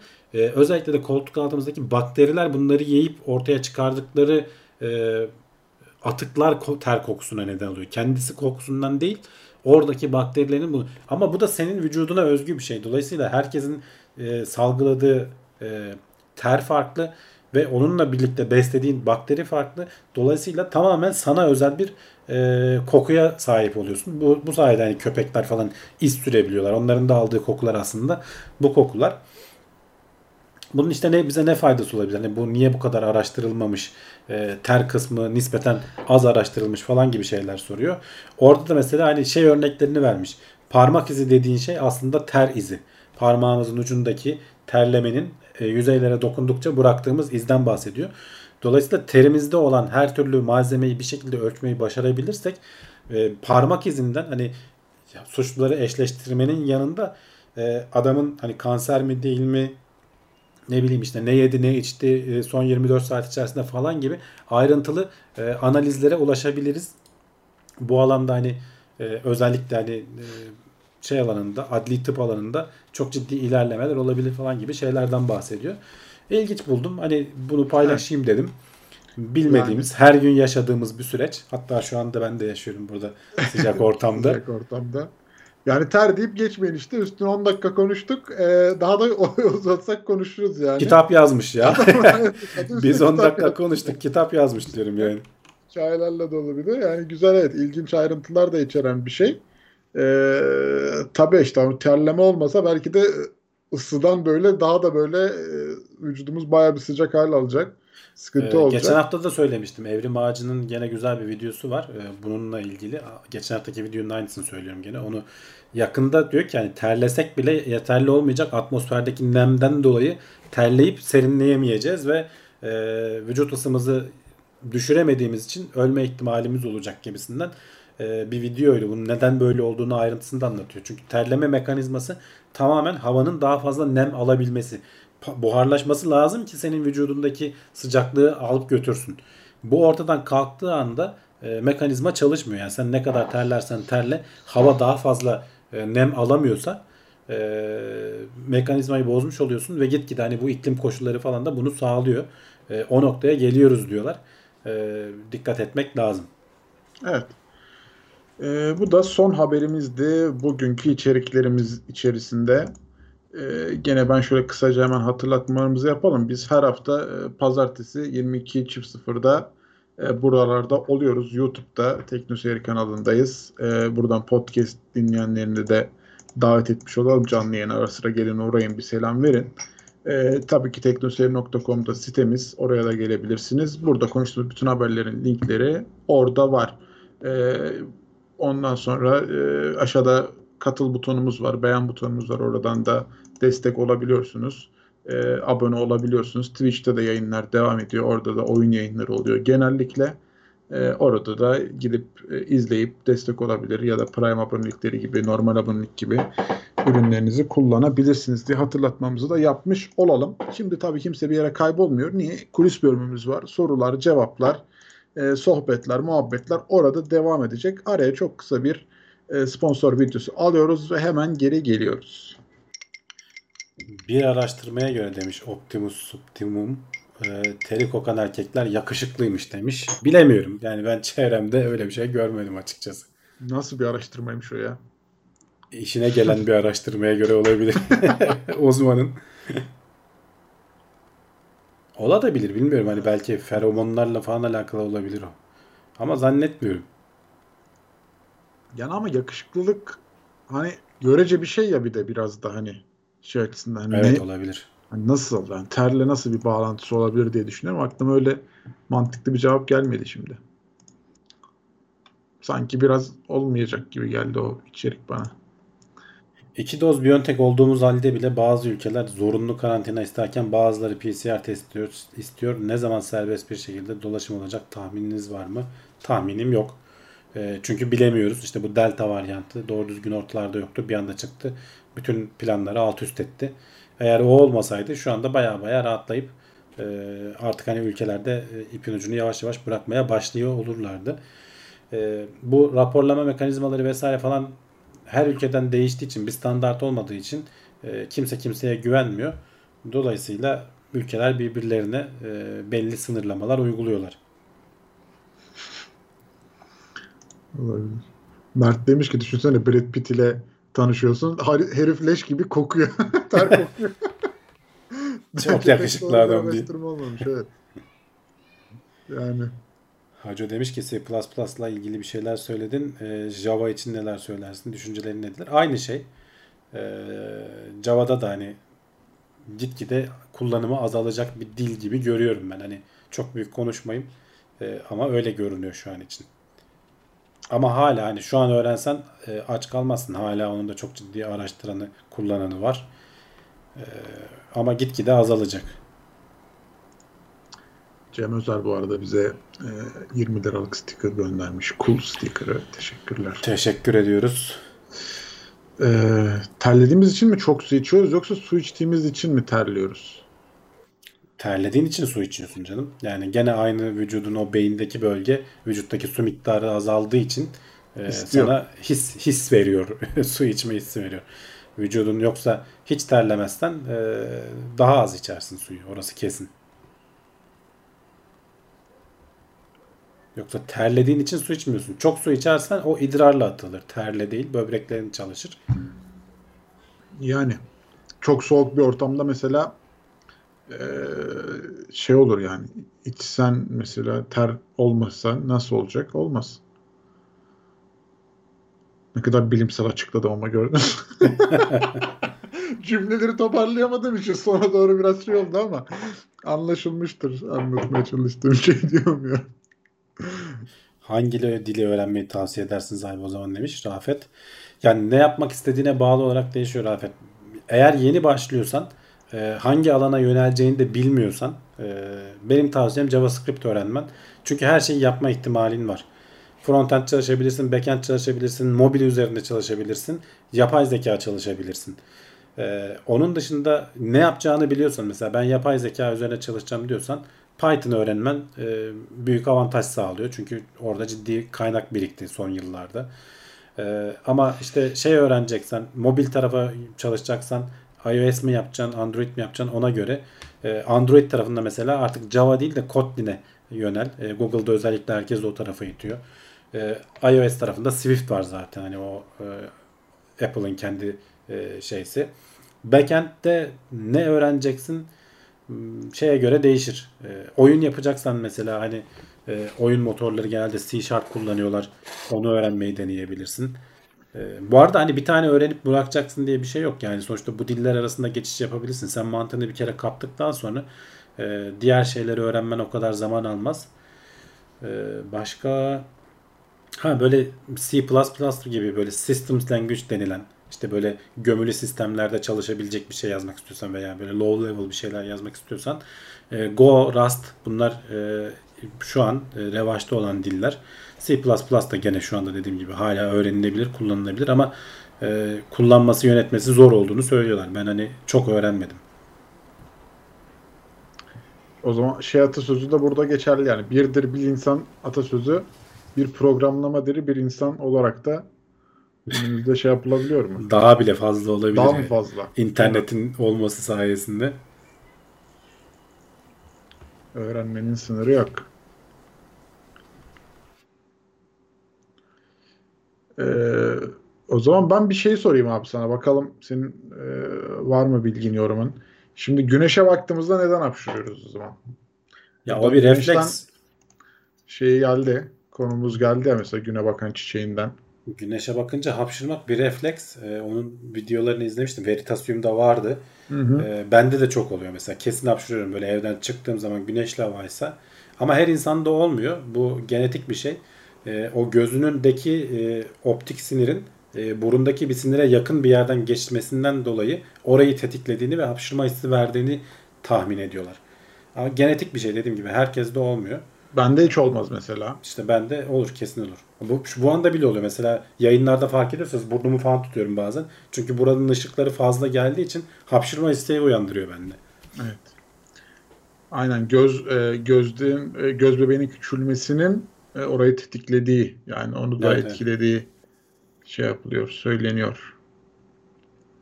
Hiç sekmez yani. Bazen hatta birkaç kere bile hapşırabilirim yani. Güneşe İlginç. çıktığımda. Bende hiç öyle bir özelliğim yok ya. Bizim arkadaş vardı hep severdi. Güneşe bakıp hapşırmayı.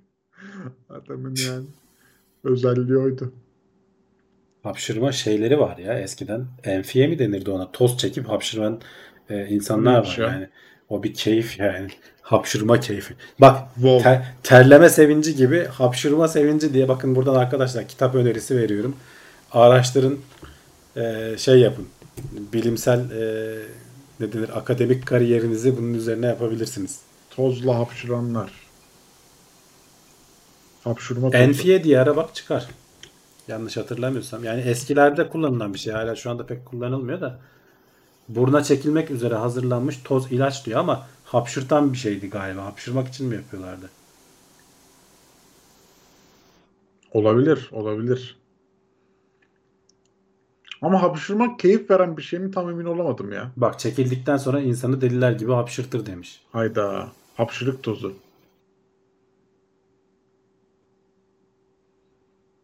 Yani işte bilmiyorum. ben de hani okuduğum kitaplardan falan hani böyle Ömer Seyfettin'de falan e, gör, duyduğum bir şey. Ne, ne ya bu enfiye diye araştırdım. Cem Çocukken. demiş ki hapşırma ayıltıyor insanı. Ya olabilir. Sonuçta bütün vücudundaki kasları çok böyle e, kısa bir süre içerisinde çalıştırdığın bir süreç aslında hapşırma. O da başlı başına ilginç bir şey yani.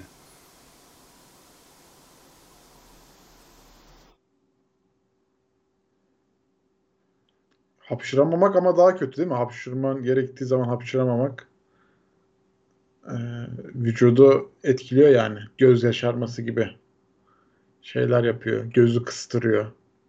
Evet evet tabii canım. O daha kötü böyle hapşırma geliyor ama bir türlü gelmiyor.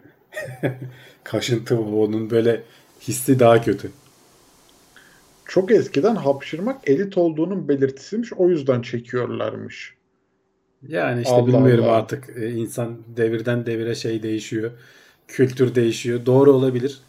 Ee, şu anki hani o kadar hızlı değişiyor ki aslında bu kültürel akımlar. Şu anki düşündüğümüz şeyle o yüzden hep derler ya geçmişi e, şey yapmayın, değerlendirmeyin diye. Ömer'de Ka- kalp duruyor mu hapşırırken demişler. Onun öyle olduğunu şey olduğunu sanmıyorum. Durduğunu zannetmiyorum. Ee, o hani bir söylenti olabilir. Çünkü zaten çok kısa süren bir süreç. yani atışın birine bile denk gelmiyor neredeyse yani. Işık tutunca olduğunuz yerde kalıyorsanız atanız tavşan olabilir. Olabilir. Tavşanlarla ortak atamız var diyelim. Evet. Yalan değil. İlk günün birinde e, evrim ağacında yukarı çıktığın zaman bir yerde birleşiyoruz. Benim kedim çok yaşlandı ve sürekli hapşırıyor demişti Berkay. Bu başka bir şey olabilir. Yo olduktan sonra kodu yazmaya devam ediyor musun? Evet ediyorum. Çünkü bütün işlerimi devredemedim henüz. Bir de zaten ben bırakmak istemiyorum açıkçası. Hani azalabilir e, yazdığım şey ama m, severek yaptığım için bırakamam gibi de geliyor. Bir de unutma şeyi de var ya sıkıntısı. Yazmazsan belki. Tabii tabii. Yok bir de ben e, seviyorum ya. Mesela bu aralar şeye uğraşıyorum. E, Web RTC üzerinden videolu görüşme altyapısı üzerine uğraşıyoruz.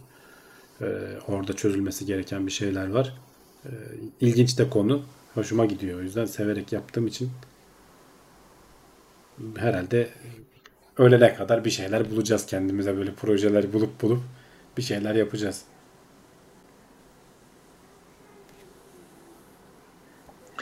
Ee, şimdi Optimus'un yorumuna şeyden de Murat'tan da destek gelmişti. Eskiden ha, iş- e,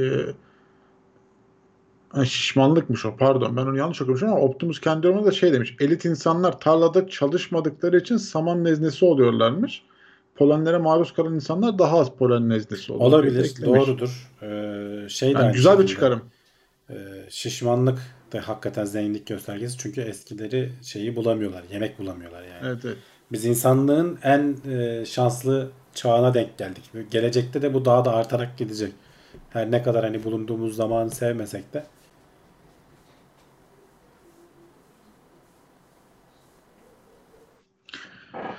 Ee, milyarlar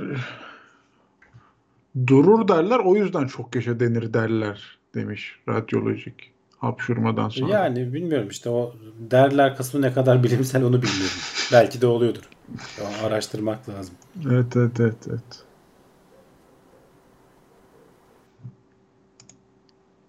Abartma. Herkes söylüyor. Karabiber hapşırtır. Arkadaşlar burnunuza böyle şeyler çekmeyin olmadıkça. Burundan değil. Karabiber, Burundan değil.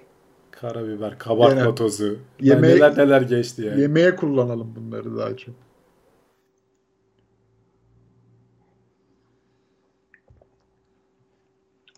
Evet.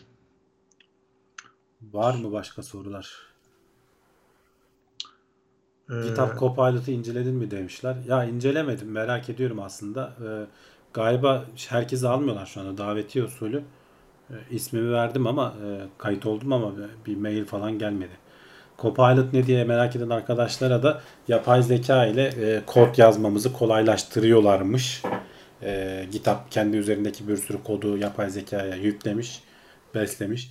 Biz yazarken e, bize hatta kendi bizim yerimize yazacak belki günün birinde. E, yazılımcılık belki günün birinde bambaşka noktaya dönüşebilir.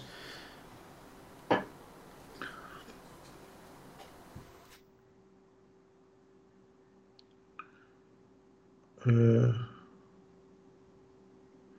eski zamanlarda hapşırınca ruhun burundan çıktığına inanıldığından çok yaşa denilirmiş. Antik Mısır zamanından gelir diyor Brave.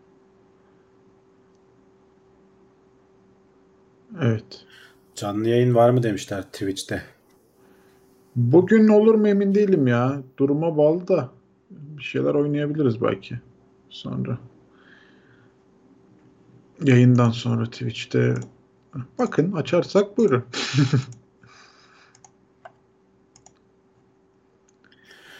Ya yazılım projelerinde o kadar çok ilgimi çeken şey var ki zaman yok. O yüzden oturup da bakamıyorum. Ee, o yüzden hani işle ilgili olan şeylere mümkün mertebe zaman ayırmaya çalışıyorum. Bari hani oradan bir işe de yarasın şeklinde. Mesela Rust öğrenmek isterdim ben. Hatta bir dönem başladım da. Ee, ama e, zaman olmadığı için üzerine çok eğilemedim. Bir dönem Android Development'a başladım.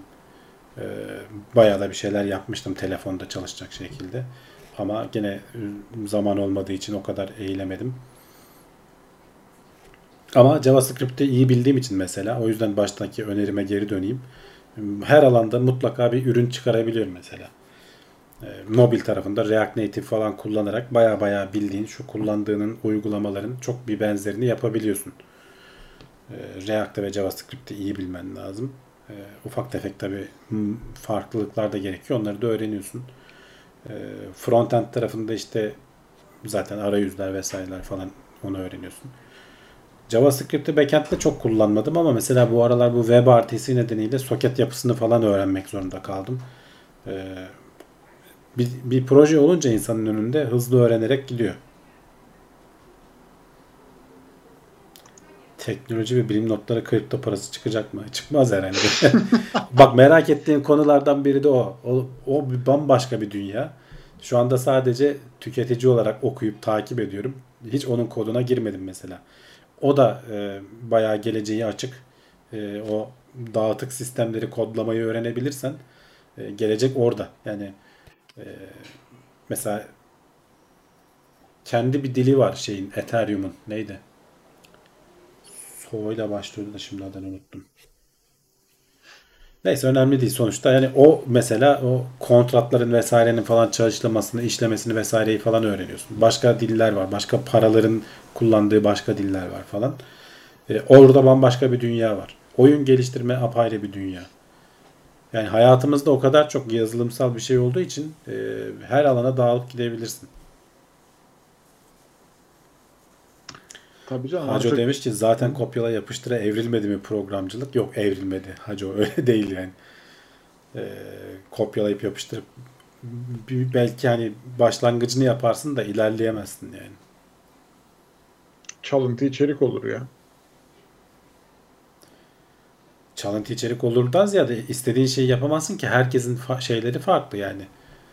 Çok temel hani standart şeyleri yaparsın ama sen azıcık bir değişiklik istediğin zaman onun mantığını anlaman lazım ki değiştirebilesin. evet evet yani alıyorsun ama bu nasıl değiştireceğiz? Tabii tabii. Sıkıntıdır. React mı Angular mı demişler. Ben React derim. Ee, Angular biraz gitgide azalıyor kullanımı. Hatta e, Vue öğrenmenizi de tavsiye ederim. Ben şu anda React çok yaygın. Ee, iş ilanları falan falan daha fazla. Ama Vue'yu ben daha çok seviyorum. Mesela ben kendi projelerimde Vue kullanıyorum. React'ı da biliyorum ama. Yazılım öğrenme dili öğrenmeye benziyor mu? Yani benziyor. Ee, sadece mantığını öğrenmen gerekiyor. Aklında her şeyi tutman gerekmiyor. Çünkü yazarken hani karşında anlık bekleyen biri olmadığı için kelime ezberleme gibi değil. Bazen ben çok temel komutları bile Google'da arayıp bakıyorum. Eskiden olsa ezberlememiz gerekirdi ama artık öyle değil. Solidity evet. Ömer Karabacak yazmış. Ethereum'un yazılım dili Solidity. Hmm. Anahtarlık nereden satın alacağız abi link yok mu demişler. Daha satışa çıkmadı arkadaşlar. Onu Az kaldı demişti Murat en son. Ya satış sisteminde bir problem yok. Dağıtım sisteminin hazır olmasını bekliyoruz. Bunun çünkü ofiste değiliz biz yapmayacağız. Paketlemesiydi bilmem nesiydi falan. O altyapı hazır olduğu zaman Murat onu çözmeye çalışıyor en son. Ee, satışlarını. Önce bir deneriz tabii satış sistemi. Çünkü bir şeyi değiştirmedik orada. Ee, her yani ben bir kısa küçük deneme yaptım. Çalışıyor görünüyor. Bir böyle 5 5-10 kişiye bir açıp bir iki böyle fatura matura sistemleri düzgün çalışıyor mu? Kredi kartı sistemi düzgün çalışıyor mu? Deneriz. Denedik de hani canlıda da bir kere deneriz. Sonra çalışıyorsa herkese açarız. Çok da herhalde artık zamanı kalmamıştır diye düşünüyorum. Eli kulağında yani. Bu ay bu ay gelir mi diyorsun abi? Gelir canım diye düşünüyorum ben ama hani bilmiyorum Murat'a sormak lazım. Öteki tarafla çünkü o konuşuyor. YouTube yeterli mi dili öğrenmek için Udemy şart mı? Ya YouTube yeterli başlangıç için. Ee, ama hani e, oradaki ücretsiz e, şeylerden baya baya ilerlersin. Ama Udemy'deki avantaj şu. Derli toplu sana su- sunuyor bir ders olarak. Ee, yani hani indirimleri oluyor onun 20 lira 25 lira da ver ya dili öğreneceksin yani. 25 lira oluyor şeyleri. Çok iyileri bazen 40 lira falan oluyor. İndirimle. Ya evet yani. Bir dört- de öyle ya. diyor deme öyle 400 lira yazıyor 25 lira 5 diyor. Hep dolarlık e, ders şu ana özel yüzde bilmem kaç indirim sadece 25 lira diye özel bir kod yaptım diyor ilk 100 kişiye ya da ilk 10 kişiye diyor kod sınırsız. şeyi tavsiye ederim. Mesela JavaScript öğreneceksiniz. Wes Bos diye bir adam var. Ben onun derslerini çok seviyorum mesela JavaScript tarafında. Ee, Maximilian Müller diye bir abimiz var. Ee, her alanda dersi var. Udemy'de de dersleri var. Mesela onun dersleri çok hoşuma gidiyor. Çok ayrıntılı, çok güzel anlatıyor adam. Onu tavsiye ederim. Başka React öğrenecekseniz e, neydi? Moş Hamedani diye bir adam var. E, İran asıllı sanırım ama Amerika'da. Çok güzel bir React dersi var. E, bunların hani bu söylediklerimin bazılarının YouTube'da ücretsiz halleri de var. Devamını almak istiyorsun. Orada bir izleyin. Beğenirseniz devamını Udemy'den veya kendi sitelerinden alabiliyorsunuz. Evet. Nostromo demiş ki post podcastçiyim beğenmeye geldim. Geçen podcast'te muhabbeti geçmişti yemek yiyordum. Volkan'ın burnu 2x değil 8x'miş. Öyle bir şey mi konuştuk ya? Benim burnum Bilmiyorum ne demek hakikaten. Yani burnum büyük evet. Yok ya o kadar da Ama neye ya. göre 8x? 8x çok büyük değil mi? Bilmiyorum. Burun ölçeğinde 8x neye tekabül ediyor? Hangi buruna göre? Ethereum'u hiçbir birime çevirmeden Bitcoin alabiliyor muyuz? Deneyen oldu mu? Bu nasıl bir soru? Ali anlayamadım. Yani Ethereum başka bir para birimi, Bitcoin başka bir para birimi. Ethereum'u bir birime çevirmeden Ethereum'u hiçbir birime çevirmeden Bitcoin alabiliyorum. yani şöyle bazı borsalar var. E, Ethereum'u alıp Bitcoin veren oradan doğrudan alırsın herhalde. bir çok borsa. Ethereum çok e, şey olan bir şey ki zaten yani. Çoğu hani- borsada Ethereum Ya normalde şey vardır. oluyor.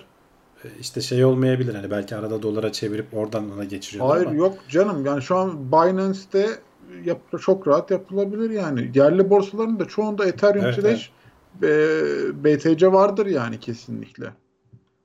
Hani o çok e, alt bir coin değil ki bir şeye çevirip alasın. Ki zaten çoğu para birimi BTC üzerinden satılıyor ki dolarla satılanlar daha az benim gözümde. Bak, Ve- bir kod güzel bir şey demiş. Önemli olanın para olduğunu zannediyorlar. Halbuki dersler için harcanan zaman milyon kat daha değerli. Evet, doğru bir yorum. Katılıyorum buna. Python öğreniyorum. Meraktan vakit buldukça bilmiyorum ne işime yarayacak. Ya hiç düşünmediğin bir katkısı olabilir sana. Bir şeyleri öğrenmenin e, ne zaman işine yarayacağını yani bilemezsin. Hiç beklemediğin bir anda bir faydasını görürsün. Orada doğrudan görmesen bile oradan edindiğin bir fikir e, aklının kapağını açabilir. Bambaşka bir alanda sana fayda sağlayabilir. Yani boş geçirmekten e, daha iyidir bir şey öğrenmek. Ne olursa olsun. Şeyi de öğrenebilirsin. Yani atıyorum Avustralya yerlilerinin işte bilmem ne dansını da öğrenebilirsin. yani. Hayda.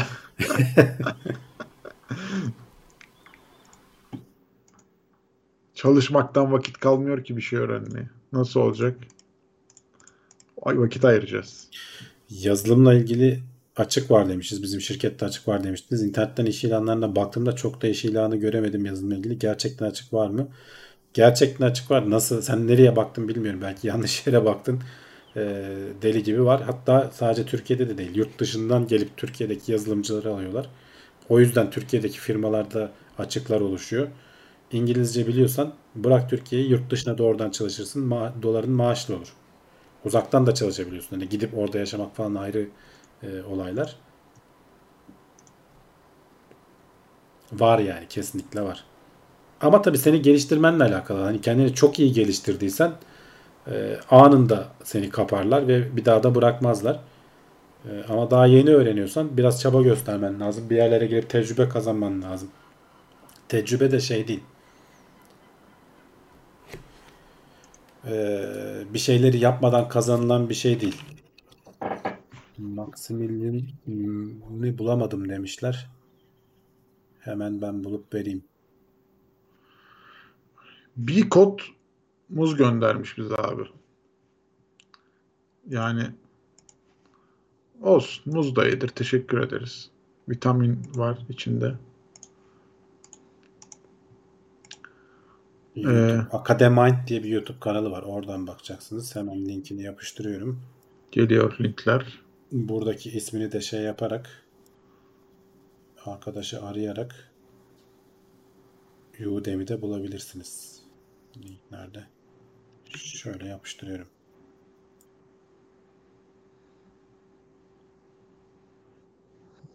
Udemy arayayım.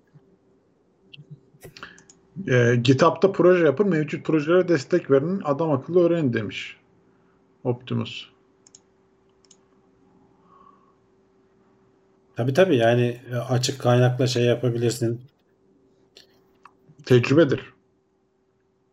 Ya bir de kendin bir iş yaptığın zaman bambaşka öğreniyorsun. Yani hiç normalde düşünemeyeceğin şeyler çıkıyor karşına. E, aklına gelmeyeceğin şeyler çıkıyor. Yani o bir işe girişmeden nelerle, ne sorunlarla karşılaşacağını bilemezsin. Tecrübe öyle bir şey. He tecrübeli istiyorlar en az 3 yıl demiş Emre.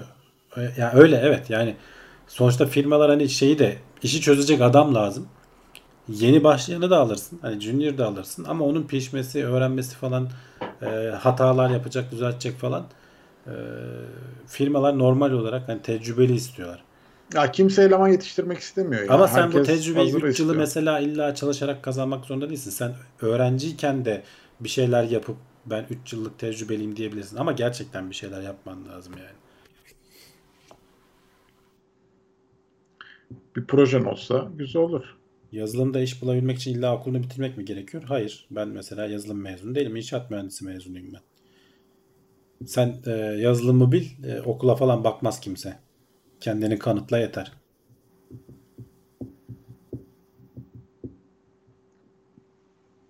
Doların maaşlı olur demişim herhalde. Maaşın dolarla olur diyeceğim.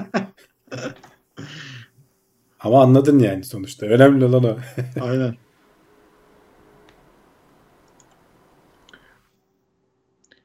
Ee, Anahtarlıkta ön satış yapmadık Serkan. Daha bir şey yapılmadı. Olduğu zaman zaten hani Murat duyurur. Açıldığı zaman illa haberiniz olur. tecrübe dünyanın en paha biçilmez şeyi çünkü parayla edinemiyorsun zaman. Zamanla evet e, proje yapacaksın bol bol. İş ile evde çalışma aynı olmuyor ki. Kesinlikle tabii ki hani iş ortamı ve sana senden istenilen farklı olacak ama hani minimuma indirebilirsin tecrübe kısmını onu diyorum ben.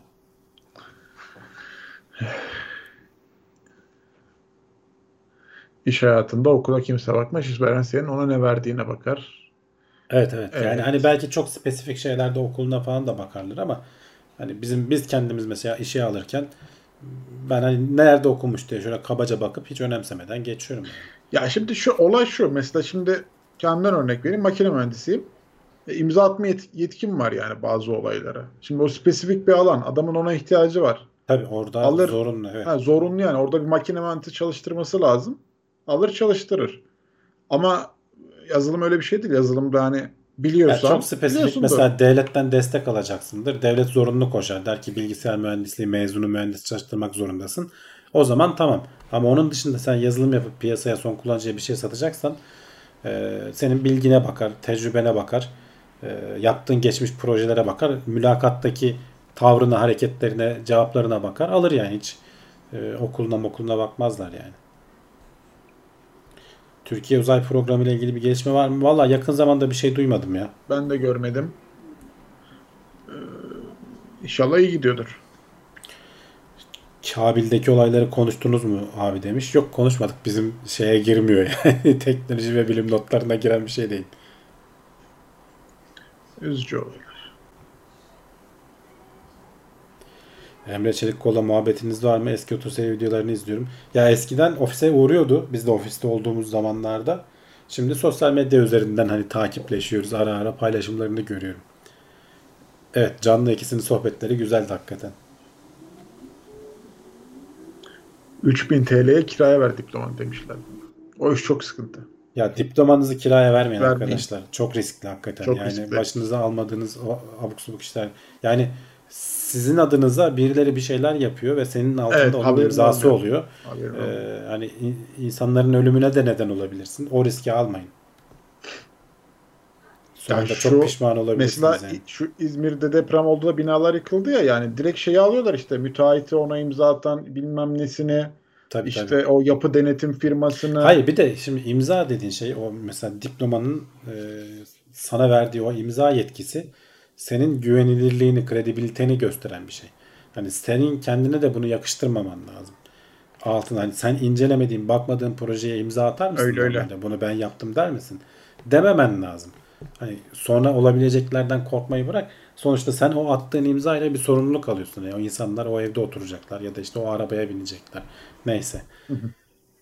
bana şehir dışından teklif geldi ya diplomanızı bize verin biz çalıştıralım ücret ödeyelim size diye. E dedim ne yapacağız? E siz hiçbir şey yapmanıza gerek yok. Biz sadece çalıştıracağız dedi. İmzan olacak altında. E dedim kafayı mı yediniz siz ya?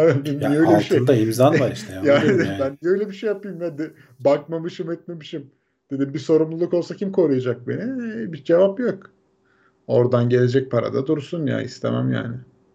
Değil mi? Yani bu insanın hayattaki şeyi yani hani e, hani mesela ne denir? Sözüm senettir denir ya onun gibi bir Evet, şey evet. bu da yani. Senin altına attığın imza senin e, ya namusun bir, bir yerde. Kendin bakıp onaylamadan etmeden o imzayı atmamalısın. Bak Mahmut diyor ki diplomaya kira vermenin başka sıkıntısı var. Evraklara senin yerine imza atan adam ve sen her imza için 3,5 yıl hapis yatabilirsin yani. Öyle bir şey evet. Hani yakalansa bile evet hapis cezası olabilir. Tabii tabii.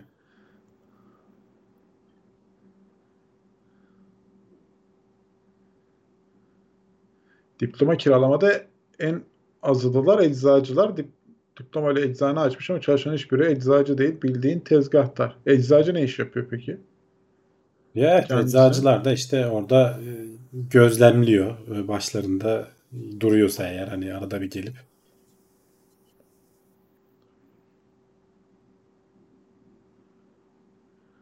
Evet, 11.30 oldu. E, yavaştan kapatalım. Bitti mi Haftaya, bugünkü kotamız? Ha? haftaya gene buradayız. Nasıl olsa. Evet. Buralardayız. Bekleriz her zaman olduğu gibi. Ee, muhabbetimiz, sohbetimiz, haberlerimiz, konularımız. Biraz da artık iyi gelişmeler olsa. Fırlatma haberlerimiz biraz askıda abi ne diyorsun? Bu hafta azdı bir olay Evet, konusu evet. Yani Ee, bir gidemiyoruz. Hep erteleme merteleme konuştuk yani üstüne. Evet evet bu hafta öyle oldu. Bakalım önümüzdeki hafta şeyi bekliyoruz. Starship'in eee, o bütün vücudunun fırlatılmasını bekliyoruz. Birinci aşamalı, ikinci aşamalı. Eee, ama ona da birkaç hafta daha var herhalde. var. Var biraz. Daha gerçi hani F- FAA onay monay da vermedi. Eee, onun onayını da bekliyor olabilirler. Eee, göreceğiz. Evet. Ee, herkese izlediğiniz için çok teşekkür ederiz. Haftaya görüşmek üzere o zaman. Kendinize iyi bakın. Görüşmek üzere.